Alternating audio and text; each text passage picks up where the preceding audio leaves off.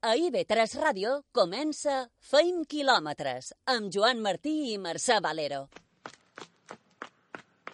M'he aixecat amb ganes de cercar la llibertat, de posar-me xandall i deixar d'estar aturat, agafar-se de l'ou i bugar al contravent, ser capaç de creure que pots el meu millor intent.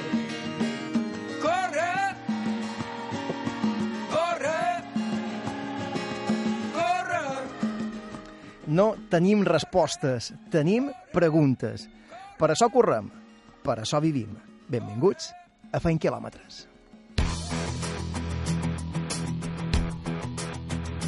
It's been years since they told her about it. The darkness her body possessed. And the scars are still there in the mirror. Every day that she gets herself dressed. Though the pain is miles and miles behind her. And the fear is now a docile beast. If you ask her why she is still running, she'll tell you it makes her complete. I run for hope.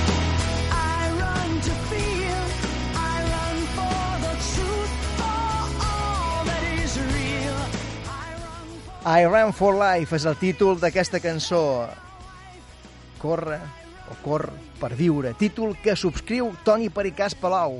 Ha acabat els 170 quilòmetres de l'Ultra Trail del Montblanc amb un objectiu solidari. Parlarem amb ell. It's a blur since they told me about it. I ha estat el cap de setmana del Montblanc, però també hi ha hagut campionat d'Espanya a la Vall de Tena, als Pirineus aragonesos. Àngels Llobera ha pujat al segon escaló del podi. Cap de setmana de muntanya i cap de setmana de triatló. Així que Tous s'ha proclamat a la Corunya campiona d'Espanya de triatló olímpic. I sabeu què és el dit de Morton? En parlarem amb Lucía Barca, fisioterapeuta, infermera esportiva i coach nutricional de Menorca Trainers.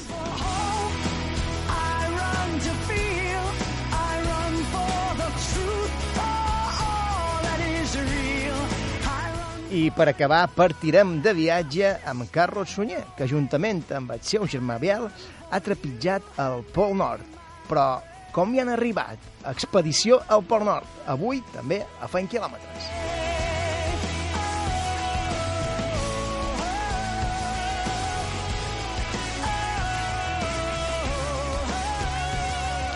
Som Mercè Valero, Ivan López del control tècnic i qui us parla, un servidor, Joan Martí.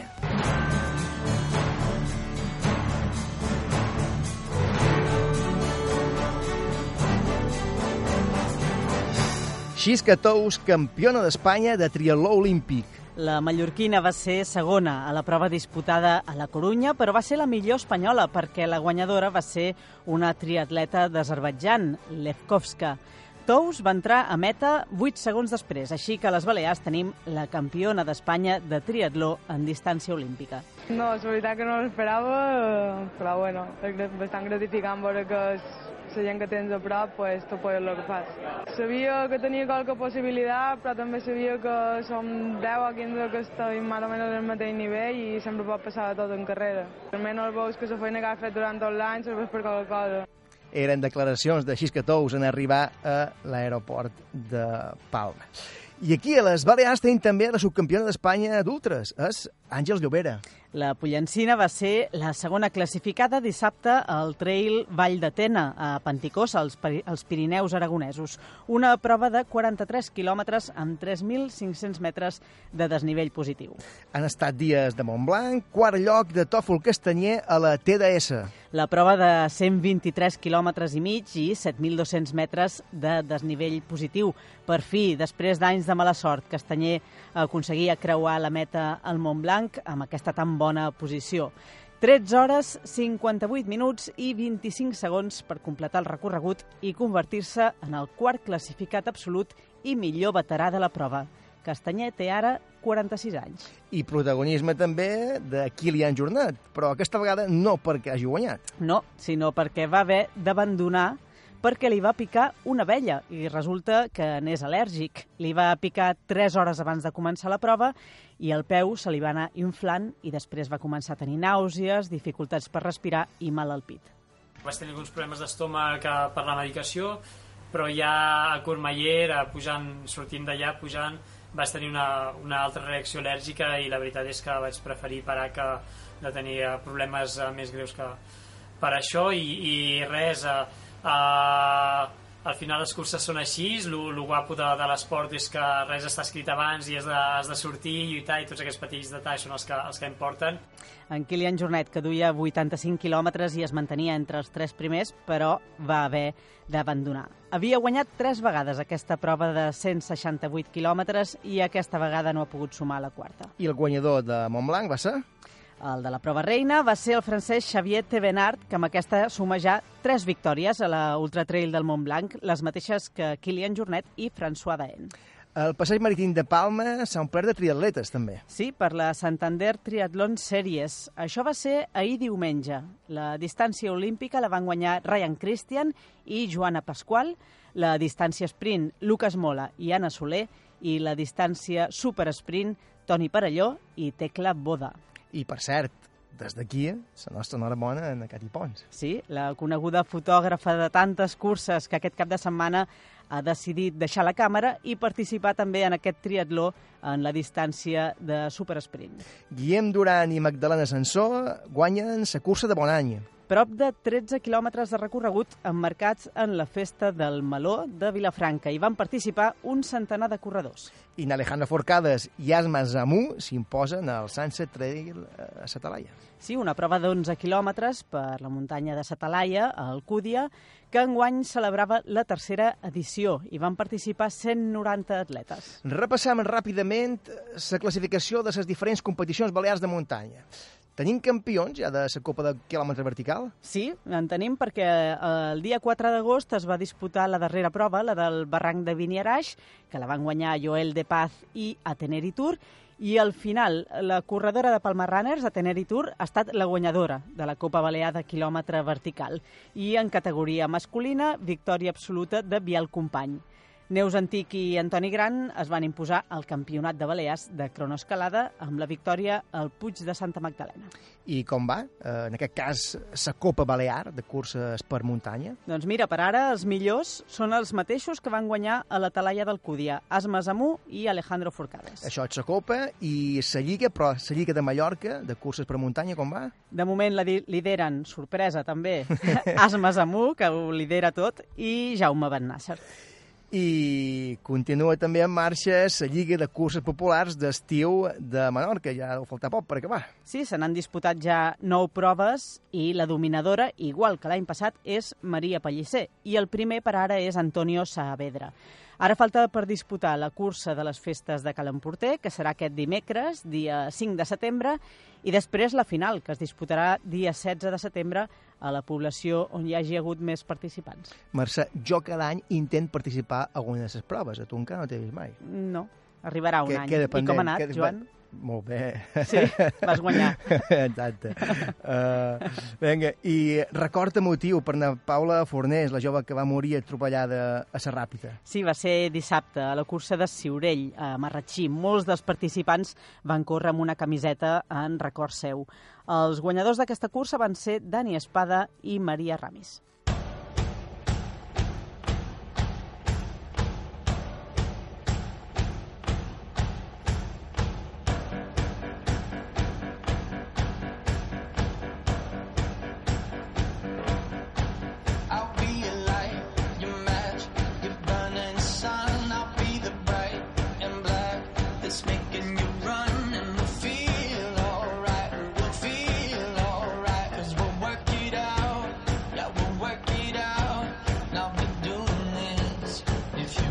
Avui, primer programa d'aquesta nova temporada i ja sabeu que Fent Quilòmetres també és a les xarxes socials. Ens podeu trobar a Facebook, a Twitter i a Instagram. I també tenim web, fentquilòmetres.com, i allà podeu trobar-hi tots els continguts que us oferim aquí en el programa. També som a Spotify, a la llista FKM, Fent Quilòmetres, on hi penjam tota aquesta música que sona al programa. I aquí a IB3 Ràdio eh, us podeu trobar els dilluns cap vespre, com aquests darrers anys, a les 6, no? Sí, de 6 a 7. I també els dissabtes ben prest a les 7 del matí.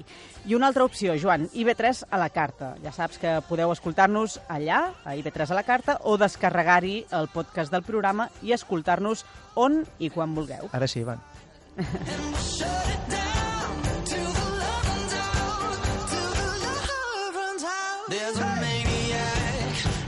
I enguany, segona edició ja dels Premis Fent Quilòmetres. De moment encara no hem obert el termini de votació, però hi estem treballant. Els Premis Fent Quilòmetres, com l'any passat, volen simbolitzar la capacitat de lluita, de sacrifici i de superació dels atletes, més enllà de la modalitat esportiva que practiquen. A vegades tot això es tradueix en victòries i medalles, però no sempre és així. A vegades només ser-hi és la més gran de totes les victòries. Recordem qui va ser la guanyadora i el guanyadors del 2017. Joana Maria Canyelles i Joan Reynoso han estat els guanyadors de la primera edició dels Premis Fent Quilòmetres, uns guanyadors que van ser elegits per votació popular. Veurem quins dos esportistes s'enduen en guany aquest 2018 el Premi Fent Quilòmetres. Tenim xip? Tenim xip. Visca fent quilòmetres!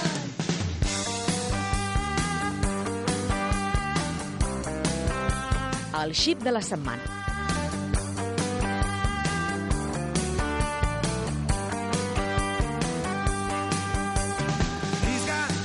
El xip de la setmana és el dorsal 1230 a la prova reina de l'Ultratrail del Mont Blanc. En total, 170 quilòmetres que va fer amb un temps de 38 hores, 45 minuts i 27 segons. Una prova esportiva amb un rerefons solidari, en aquest cas a favor de l'associació Yes with Cancer. Antoni Pericàs, eh, Pericàs i Palou, benvingut a Fent Quilòmetres. Hola, què tal? Com va? Com esteu? Molt bé, i tu? Va bé, va bé, ara bé. Crec que encara és per Chamonix, no? Uh, sí, sí, encara som aquí a Chamonix, ara fem les maletes i avui a la baixa ja tornant cap a, cap a Mallorca. Avui a la baixa més tard. Escolta, com ha anat aquesta cursa? Bé, bé, la veritat és que no, no mos poden queixar. Hi va haver qualque estona un poc de, de crisi. Vaig fins a arribar a cridar a la meva companyera que, que me retirava, però bueno, al final vàrem, vàrem acabar i no, eh, van aconseguir l'objectiu. O sigui, vas arribar a pensar en la retirada? Sí, sí, sí. De fet, vaig cridar, vaig cridar el meu entrenador, que no m'ha contestat, i vaig cridar a la meva dona i li vaig dir que, que me retirava perquè tenia... Estava molt irritat i me, me feia bastant de mal per córrer, per caminar, però bueno, me quedaven 90 quilòmetres i al final, tira, tira, vàrem acabar. Home, és que 170 quilòmetres en 10.000 metres de desnivell acumulat eh, s'ha de saber gestionar molt bé una carrera així. Com ho vas fer? Bueno, mem, tota la gent que fa aquesta cursa ha de tenir una experiència eh, de proves similars i més o manco, pues, se tracta de, de comptar i saber solucionar tots els problemes que, que tu mateix tens. Si no fred és calor, si no són bòfegues és que te pega mal de panxa, si no t'entén menjar és que tens son, però són problemes i, i a comptar. Estar preparat físicament i sobretot a comptar. Sí, perquè a un moment o altre sempre surt un problema, no? Supos que eh, el més important aquí és saber que el capet haurà de fer feina quan surten diferents inconvenients. Sí, sí, això entre com és bàsic, perquè ja t'he dit, si... O sigui, motius per retirar-te, quasi, quasi, durant tota la carrera tens tots els, tots els que te pots imaginar i qualcun més, tothom els té. I... Se tracta de, entre cometes, pots dir, no porta molt nerviós i, i aguantar. I tot això també es deu entrenar, no? Mentalment deus entrenar-te per, per superar aquests obstacles també mentals. Ho havies previst? Bueno, hem, tots els que ens apuntam en aquestes proves, més o menys és, tenim, pues no sé, si és carat o, o el que m'agrada això, I jo sempre ho dic, pues, per una cosa o l'altra m'agrada passar penúries. I, I en el final, pues, entrenant i tot, entrenes tot sol, dies que fa calor, que fa fred, i vulgui o no, pues, hi ha dies que no te fa ganes i ho fas. I això ja te serveix un poc d'entrenament. Escolta, Perquè- uh, uh, han mirat la classificació i, i veiem que han quedat el número 596 de 2.300 participants en aquesta prova reina, no? Sí, sí, mem, de mallorquí n'hi havia molts, n'hi ha que... Sí, hi havia bastanta representació de totes Sí, les illes, sí. de fet, sí, sí. N'hi ha que, que han fet molt bona classificació, n'hi ha que, que van acabar quatre o cinc vegades. Jo no sóc ni, ni el primer ni el, més, ni el més ràpid, i ja te dic, aquí hi ha el mal de fer, eh, acabar el mal de fer, i fer-ho amb bon temps encara, encara més mal de fer, perquè te poden passar moltes coses i ja te dic que és, és complicat. Era- Jo estic content, m'hagués pogut anar millor i també m'hagués pogut anar pitjor. Això sempre. Era la teva primera participació a Chamonix en qualsevol de les set proves que hi ha? No, fa tres anys vaig fer la TDS, que és una prova de 120 quilòmetres. Que déu-n'hi-do, ja I- també. No? Sí, sí. Que, per cert, ets agafat en tòfol que es tenia enguany, a cada quart. Exacte, exacte. Mhm. Sí, sí, sí, exacte. Ha quedat quart, sí, sí, aquest mateix. I, I sempre podràs dir que has guanyat en, en Kilian Jornat. Bueno, sí, exacte. Exacte, pots te dir que te pot passar qualsevol cosa, qualsevol petita cosa que te, que te passa i no suposa cap problema, una prova d'aquestes a vegades és, t'has de retirar. Es porta que és complicat, és mal de fer. I, no, i acabar ja és tot un èxit. I ha estat el cas d'en Kilian, no ho han dit, però bueno, ho han dit al principi, però que s'ha hagut de retirar, no? que també participava Sí, en sí. aquesta prova reina de 170 quilòmetres. Sí. Tot això dèiem abans que ha tingut un rerefons solidari per l'associació Yes with Cancer. Aquest objectiu era eh, recaptar fons per comprar material per una sala lúdico-esportiva per a Son Espases. Crec que també ho has aconseguit, això, no? Uh, sí, bueno, sí. L'objectiu era 3.000 euros i ara vaig mirar ahir, crec que n'hi ha 3.500 i algo, i sí, això és l'objectiu. En principi s'ha aconseguit una part i ara l'altra part, diguem, és pues, que, que és d'on veig eh, que ha portat molta gent se materialitzin en, amb això eh, de la sala lúdico-esportiva a Son Espases, que ja a través de l'associació i el seu president, en Gabriel Rojo, sé que ja s'havien posat en contacte a l'hospital i havien estat xerrant, i aconseguir que se materialitzi, que, que, que realment sigui una, una realitat. Això seguia l'altra fase ara que s'ha de fer un pot de feina. I la gent ha pogut fer la seva aportació durant tot aquest temps que tu has anat entrenant. Com, com ha estat això? Bueno, això va sortir un poc, com ja t'he dit, moltes hores tot sol per la muntanya, i ja t'he dit que en el final, pues, te pot lesionar, eh, hi ha companyeros que potser no- s'han apuntat i no han pogut participar perquè s'han lesionat o que han corregut i pues, per mala sort també s'han hagut de retirar per lesió o per quins motius. Ara enguany, per mal temps, han, han canviat un poc el recorregut i va haver un any que fins i tot se va arribar a suspendre. I clar, en el fons, tu, són moltes hores, molt esforç, del peix, tens que llevar la família, i, i tampoc és, en el fons no deixa més que una carrera. I vaig pensar que, bueno, que ja que duia tant de temps i tant de tot bé i tant, tant de sacrifici no et servís per cosa. Que si me passava res, que no acabara això, que quedés qualque cosa. Home, I va ser un poc per això. Tantes hores d'entrenament sempre, sempre penses de més, o, o, o no. Tal vegada està bé pensar també, si surt Sí, sí, una cosa així. Te- Exacte, exacte, penso moltes coses. Ja, ja, Penso moltes coses. po- posats a entrenar, si saps que has de fer aquesta cursa i a més a més pots ajudar o pots fer que tingui eh, un sentit més que no només has fet de córrer, sempre, sempre és un al·licient, no?, durant la carrera després. Sí, sí, t'haig de dir, durant tantes hores vaig pensar eh, molt i, i qualque estona de, pues mira, almenys si he d'aguantar un poc de, de mal això, pues, hi ha gent que per desgràcia eh, passa, passa malament ja, i, i que jo al final només era un pot de mal i caminant ja, ja anava fent camí. I sempre, I sí, podràs, sí. clar, I sempre podràs dir que has participat, que has col·laborat en construir aquesta sala lúdico-esportiva per a, a, a Son Espases, per a malalts de Sí, càncer. bueno, jo i tota la gent que, Clar. que com aquell que diu ha, ha posat. Ah, Diguem, exactament. ells també, Que sense ells no hauria una estat, part- evidentment.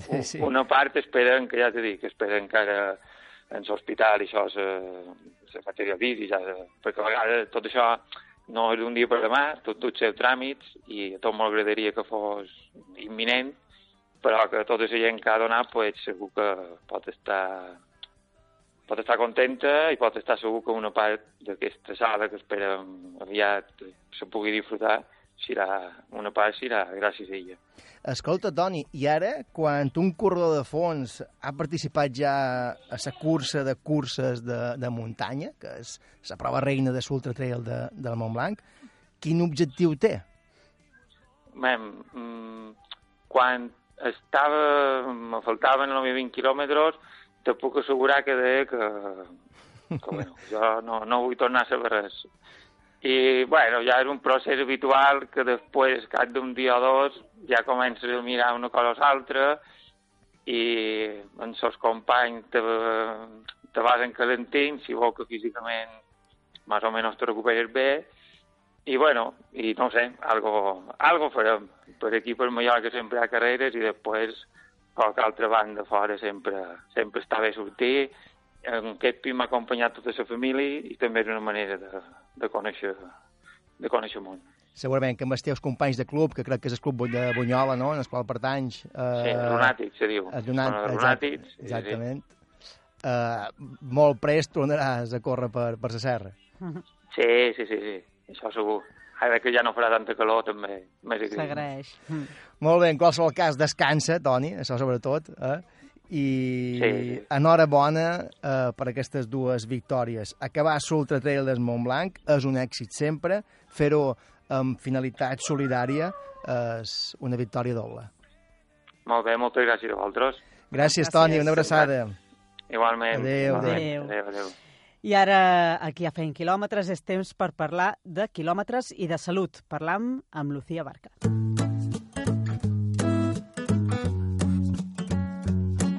L'avituallament.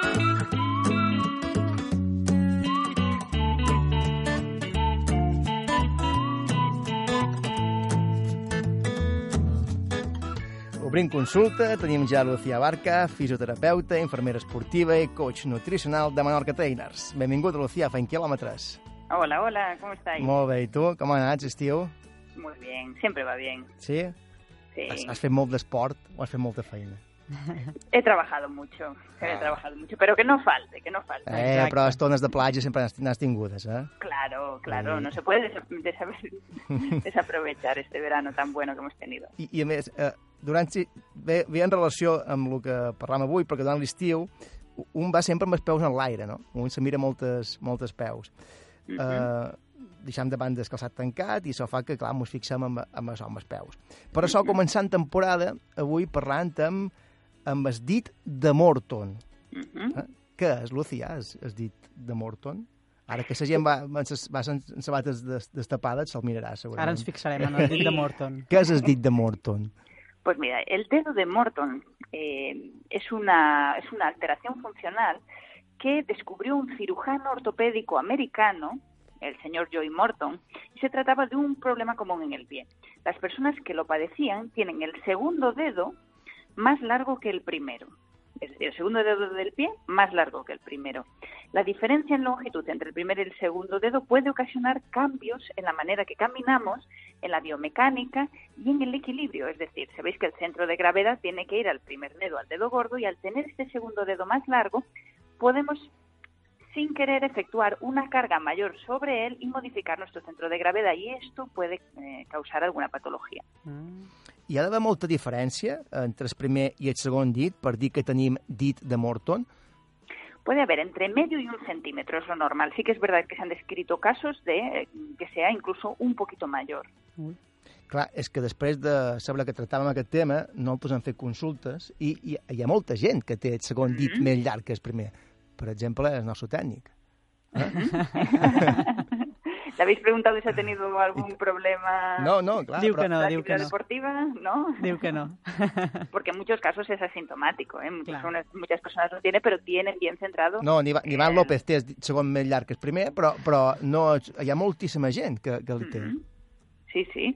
Es súper común y, y, de hecho, si queremos saber si tengo dedo de Morton o no, simplemente tendremos que mirar si ese segundo dedo probablemente es más largo que el primero. Hmm. Y la forma de un pie normal, sabéis que está definida por un primer dedo, el, dedo gordo, primer dedo más largo, y el resto de los dedos, del segundo al quinto, van disminuyendo longitud. Hmm. En caso de haber dedo de Morton, este segundo sería sería pues más más prominente un poquito más largo y esto tenemos dos partes una que decimos, puede ser asintomático, personas que tienen su segundo dedo más largo, pero la carga la hacen en el primero, tienen una biomecánica normal y no tenemos problemas, pero siempre nos puede surgir, pero puede darme problemas este dedo de Morton. ¿Vosotros qué pensáis? Um... Home, si ens fa caminar diferent, si ens fa posar el pes en, un, en l'altre dit, no potser sé. sí que... Clar, però vol dir que, per exemple, les persones que tenen el segon dit més llarg que el primer, per tant, tenen dit de mm-hmm. Morton, vol dir que tenen totes el pes o la gravetat, eh, eh, o duen la gravetat en el peu que no, en el dit que no correspon. Depende, eso es decir, hay personas que tienen dedo de Morton y tienen una biomecánica normal y personas que tienen dedo de Morton y eh, aparecen estas, estas patologías. Por ejemplo, hay una correlación entre individuos con dedo de Morton y problemas lumbares, como hernia lumbar.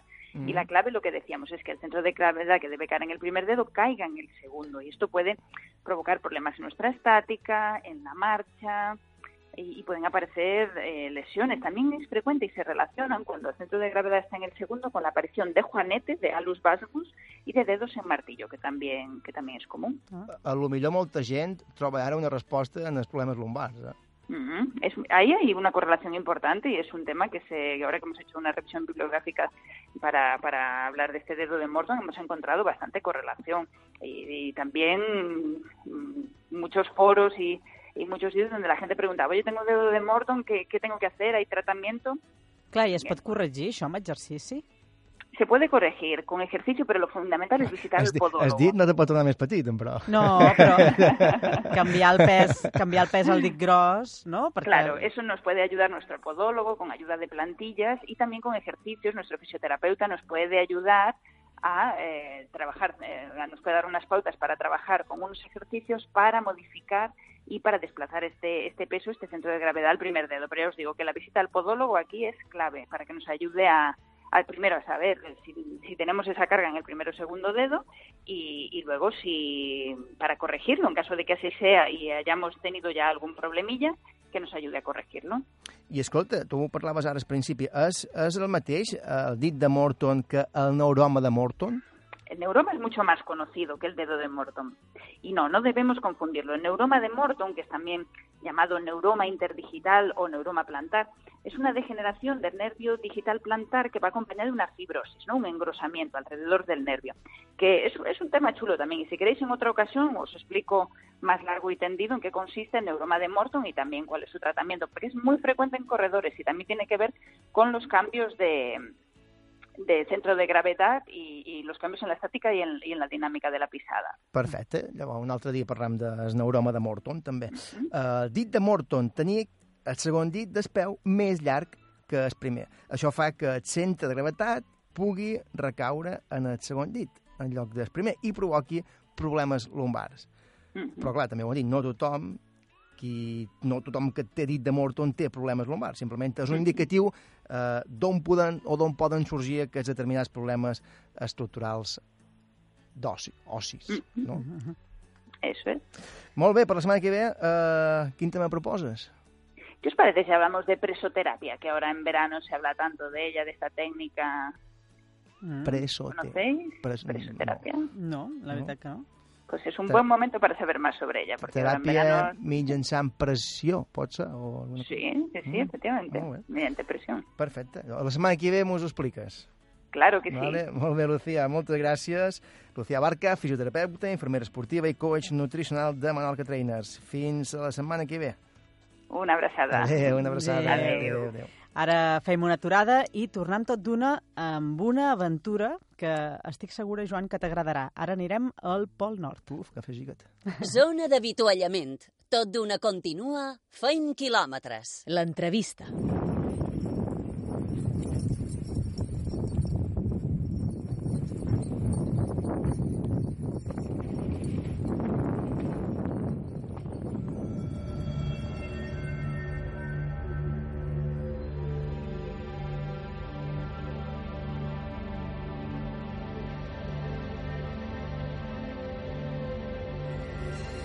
Aquest so que heu sentit ara, aquest vent i aquestes cadenes, és la banda sonora del viatge del qual parlarem ara.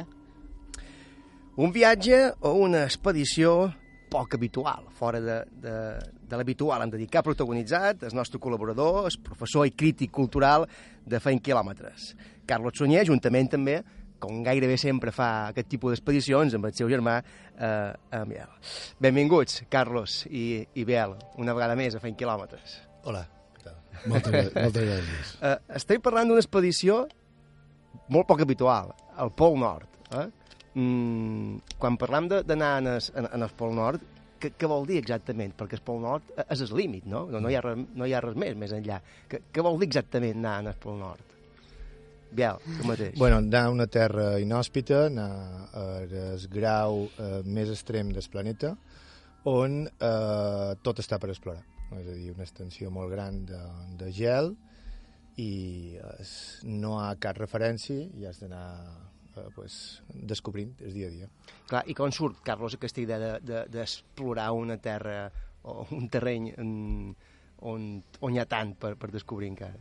Bé, nosaltres ja, ja fa temps que teníem, eh, teníem en el cap eh, sàrtic. Era com una obsessió que, que anava creixent a, a mesura que anaven eh, planificant expedicions d'alta muntanya i, i de, de fet, de manera paral·lela anaven planificant eh, a la vegada una, una, una possible anada eh, a, a, territori més enllà del cicle polar àrtic. No? De fet, quan van fer l'expedició als Alps de Travessa amb, es, amb trineus, de, amb, amb huskies, ja ho fèiem en la idea que, que qualque dia podíem anar allà dalt i a intentar anar més enllà des, des, des grau eh, màxim que poguéssim, no? perquè era, era, aquest no res que ha dit en Biel era, va anar creixent com una obsessió.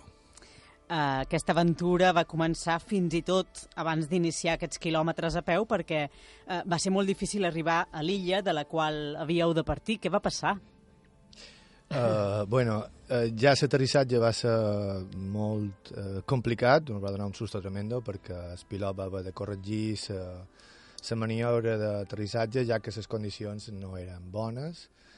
I això ens va donar un, pues una, una situació de tensió exagerada perquè bueno, se va haver d'alçar, tornar a maniobrar i amb una poca visibilitat va haver d'aterrar, però estava la pista plena de gel i molta complicació. De Podem dir, Carlos, que abans d'arribar ja començàveu a patir. Ja començaven. De, de, de fet, com diu en Biel, uh, uh, era, era, era impracticable. Nosaltres no veiem res, de fet, i ens havíem de fiar d'ell.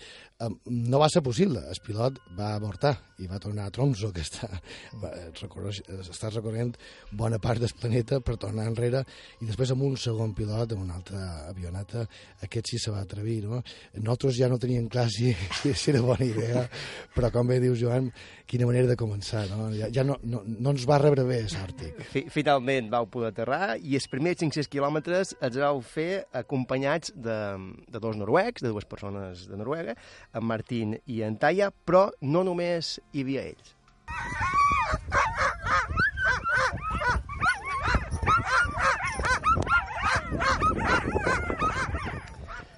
Mm, segurament us en recordeu voltes de, de, de que nomien ells, però us acompanyaven un grup de, de huskies que ja, que ja coneixeu d'expedicions anteriors pels Pirineus i, i, per, i per els Alps. Com van ser les primeres jornades a, en ruta amb, amb tots ells? Bueno, us en recordeu dels noms? Sí, no, sí, no? no tots, perquè, per ell, no tots perquè anaven canviant de tiro i a vegades a dues més de Noruega i a vegades canviaven el nostre, però de la majoria sí. Com va ser aquesta... Són uns animals fantàstics, tenen una força increïble, Uh, no obstant, nosaltres estàvem molt pendents dels seus cuidados, que estiguessin ben, ben alimentats i uh, ben situats cada un al seu lloc, perquè el tir uh, és i fonamental que cada un estigui a un lloc adequat. No hi havia un, un alfa, sinó que hi havia, en eren dos, i estaven eh, les jornades molt complementats també, és a dir, eh, feien els descansos quan nosaltres trobaven que ells ja estaven ho necessitaven i seguint un poc les seves passes que ells eh, coneixen molt bé el seu terreny. Eh? Uh, Carles, perquè la gent ho entengui bé, explica un poc que, que vol dir que hi hagi un alfa o que n'hi hagi, o que n'hi hagi dos. Sí, a cada un dels tiros, eh, cada un té unes funcions. Normalment eh, hi ha un que fa d'alfa i després hi ha el beta, però eh, en el cas del Green Dog i des, i des, i des, des, des Husky pròpiament àrtic, concretament de, de, de, de la pròpia raça d'Espol Nord, que és difícil de trobar, que són més menuts però molt més forts i molt més decidits i eh, suporten el fred a unes temperatures assombroses, n'hi ha en pot haver dos i se compreten molt bé i aquests, eh, un va davant i l'altre va darrere i va mm, d'alguna manera seguint les directrius nostres però a la vegada nosaltres també estem connectats a ells perquè llegeixen bé el terreny i quan turen és per qualque, qualque motiu Uh, I després hi ha els carregadors, hi ha reforçadors, i cada un han, d'estar en, en, el seu, en el seu joc.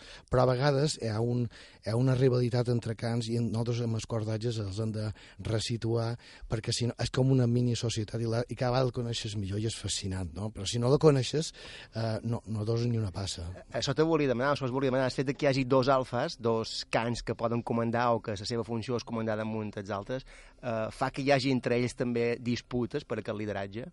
No, no, no. Estaven molt compenetrats, de fet no me'l va sorprendre, semblaven un sol, un sol cap. No hi havia cap problema.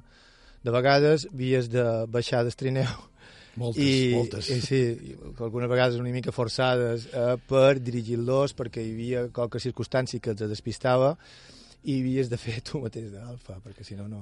Perquè no va, ells exerceixen de líders, aquests Sí. alfes, però vosaltres heu d'exercir de líders dels alfes, també. Correcte. Sobretot quan hi ha un, un conflicte, una situació difícil, a un terreny molt irregular, a un, a un crull, a un desnivell, i aquí és on, on ens hem de posar davant i hem de tirar d'ells. Com, per exemple, en aquest instant.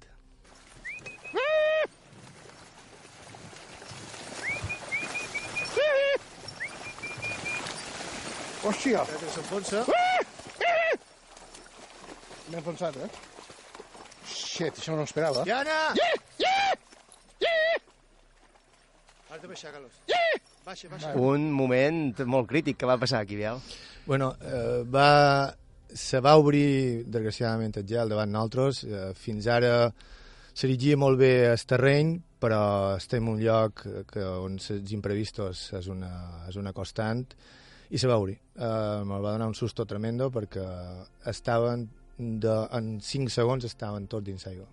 I era una aigua gelada, amb unes circumstàncies terribles perquè els cans estaven pràcticament nedant, o pràcticament no, estaven nedant i van haver de mm, votar, forçadament votar en Carlos, van alliberar el pes del trineu i empenguent com vaig poder van, vaig aconseguir que un dels alfas posés una patata a un, a un lloc, una peça de gel i van poder sortir a poc a poc, però va ser un susto. Un moment de pànic, eh? Sí, Sí, sí, ara quan sento això de... Uh, has de votar, Carlos. Botellar, botellar, botellar. Hòstia, però tu saps la temperatura que està allò. Però és que, és que si no, no nos ficam tots. I així t'ha quedat sabeu. I així m'ha quedat sabeu encara, encara, encara. I més, eh, tot allò tira, perquè està, eh, tots estem formats. Sí. Uh, per bé i per malament. Per tant, havien, havien de reaccionar. I els huskies també fan una feina important a l'hora de protegir-vos perquè alerten de la presència de- d'ossos polars, que diuen que en aquella zona hi ha més ossos polars que persones, no? En veu veure algun? Sí, de lluny... Eh, No te va, no agradar gaire, però. Uh, va, sí, bueno, és un animal formidable, són 800 quilos d'una força eh, exagerada i uh, de vegades, uh, no sempre, no és habitual, però sí traquen uh, expedicionaris i s'han produït uh, atacs i, bueno, evidentment, un, un enfrontament amb un animal així acaba malament. Clar, és que, és que aquell territori està ple. Està ple. El que Sí. passa que ells, eh, nosaltres, eh, d'alguna manera, som la darrera opció d'altres, que ells, les foques, en narvals, això són els seus principals objectius, però quan és una expedició tan llarga, el que era, el que era esperable era veure'l. Per tant, eh, eh, havien de prendre les mesures per si passava. El vau veure, el vau mirar, el vau saludar i no va passar... Sí, bé, més que va ser... No el vam veure, però qui el va veure bé va ser el que, el que muntava la guàrdia, Sí. perquè ja era 24 hores es, es de sol, que era en Martin, i el va fotografiar i tot. I quan van veure la foto van dir, joder, tia, és que s'està molt a prop, això. jo, jo que feia dormint. De, de fet, jo ja, ja anàveu preparats per si de cas trobàveu eh, algun perill, perquè en els entrenaments previs en, a, en aquest viatge, a més de fer una preparació física, també en vau fer una de, de psicològica. Com, com van ser aquests entrenaments mentals?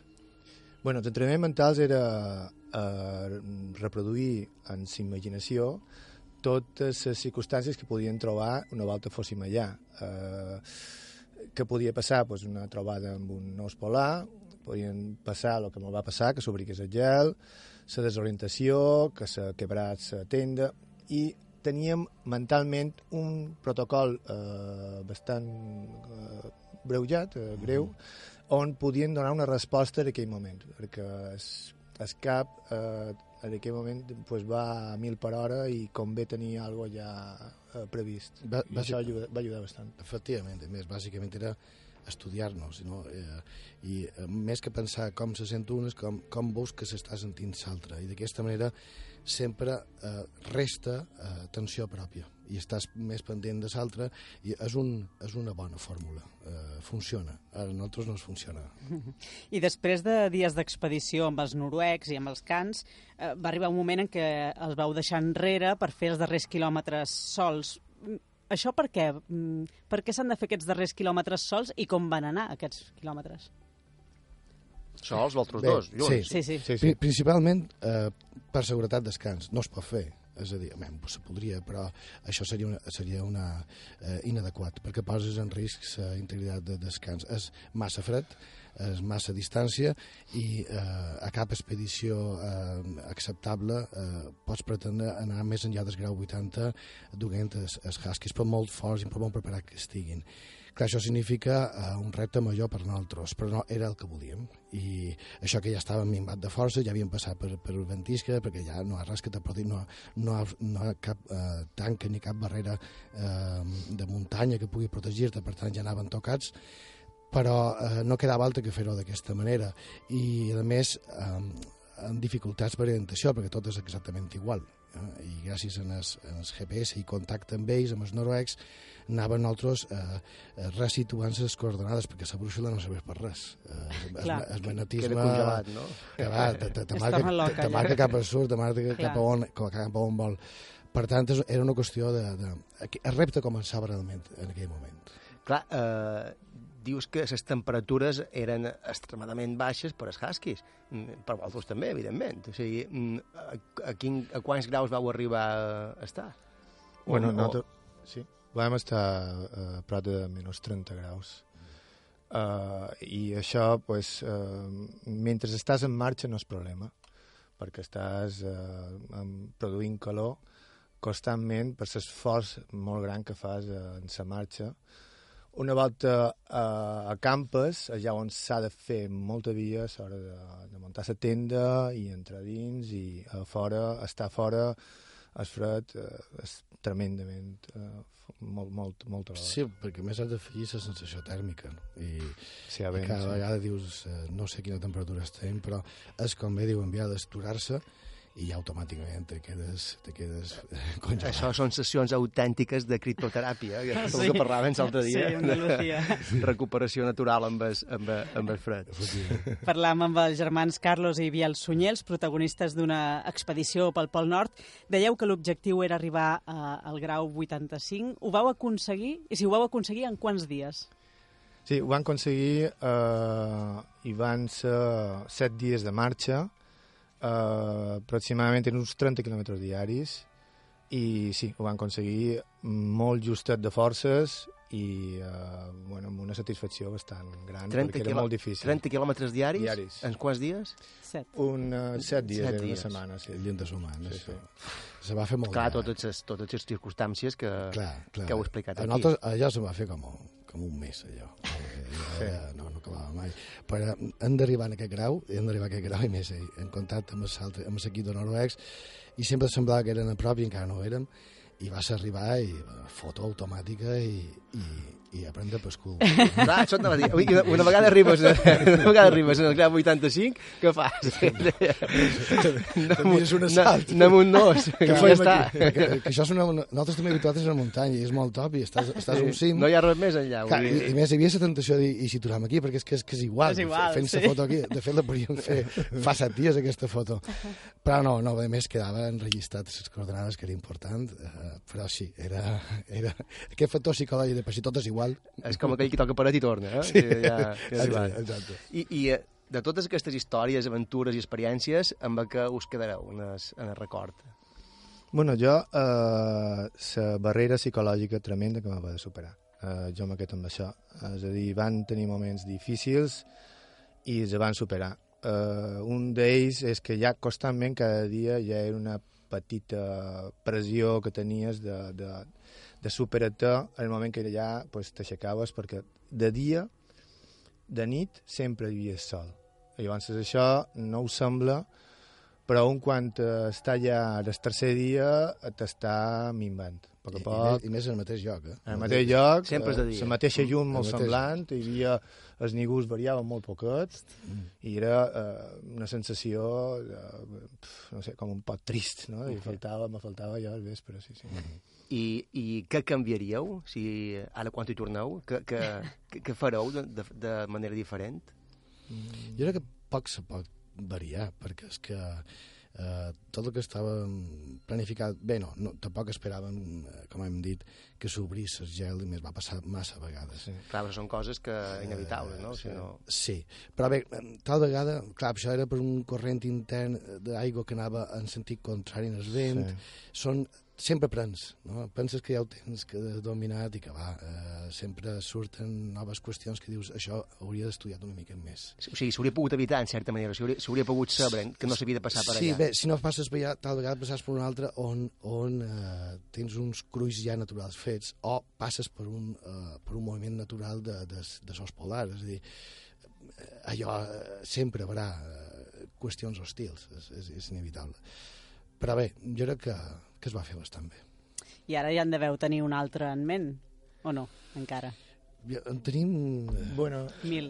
és, que és el que sempre passa. N'hi ha qualcuns ahir, però encara ens falta aquesta sintonia, que solen tenir més eh, l'estiu, cap al agost, sí. que tenim una mica més de temps, i ens trobam i fem un, un cafè i començam a Sí, xerrar. cada, una cada, estona. cada vegada és més difícil treballar perquè dius, Sí. abans aquella muntanya, l'altra muntanya, però ara vols apuntar més cap a dalt i... Eh, Mm. a Sartin ens ha enamorat, això sí és Sí. sí. Per tant, o anirem cap a altíssima muntanya o tornarem a pensar en Sàrtic, perquè allò és un altre... Us atreu, us atreu. Sí, sí, sí. Biel i Carlos, Carlos i Biel Sunyer, aventurers com pocs. Uh, sempre són aquí per contar molt les seves històries, les seves aventures, les seves experiències. Moltes gràcies per haver contat aquesta història també a, a Fent Quilòmetres que segur que formarà part també del proper llibre que escriuràs, perquè supos que en hi haurà un altre, Algú- després de Hermanos y Altura, ara és Hermanos en el Polo, no? De llanura, de llanura. Hermanos en llanura. En llanura. Al, algú, algú n'ha de sortir d'aquesta, sí. Segurament que sí. Moltes gràcies, Biel, per haver passat a fent quilòmetres. Gràcies, Eh, Enhorabona per aquesta experiència, per Gràcies. aquesta aventura. Gràcies, Mercè. eh, Carlos, t'esperam la setmana que ve, eh, Sí. amb una proposta que segurament que també m'ho sorprendrà. Aquí me trobareu, Joan i Mercè. Moltes gràcies. Adéu. Vinga, adéu.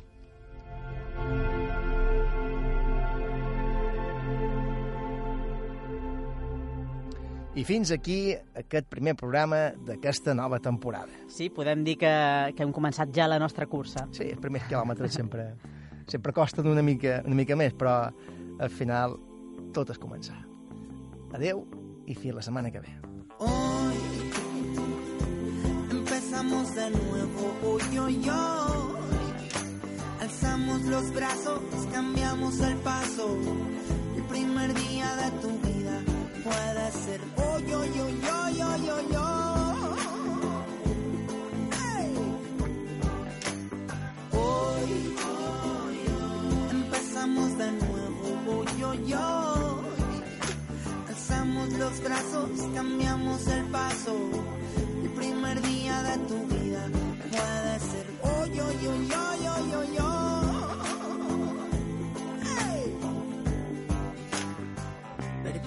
Cuenta de mí por estar contando días que nunca venían. Andaba parado corriendo con la prisa que no avanza, esa que solo despista. Y ahora sé que las horas de la vida no son del reloj. Y ahora sé que una vida por sus pasos se reconoce mejor. Y ahora sé que mi próxima meta es pararme en tu compañía. Hoy, hoy, hoy, Empezamos de nuevo, hoy, hoy, hoy. Alzamos los brazos, cambiamos el paso. El primer día de tu vida puede ser hoy, hoy, hoy, hoy, hoy, hoy, hoy.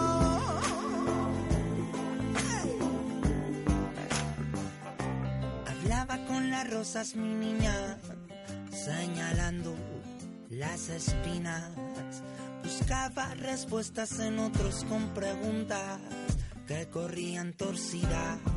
Y ahora sé que la velocidad solo se consigue caminando.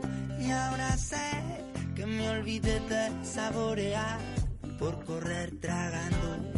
Y ahora sé que mi tiempo y el tuyo hoy irán de la mano. Hoy, empezamos de nuevo, hoy, hoy, hoy. Alzamos los brazos, cambiamos el paso. El primer día de tu vida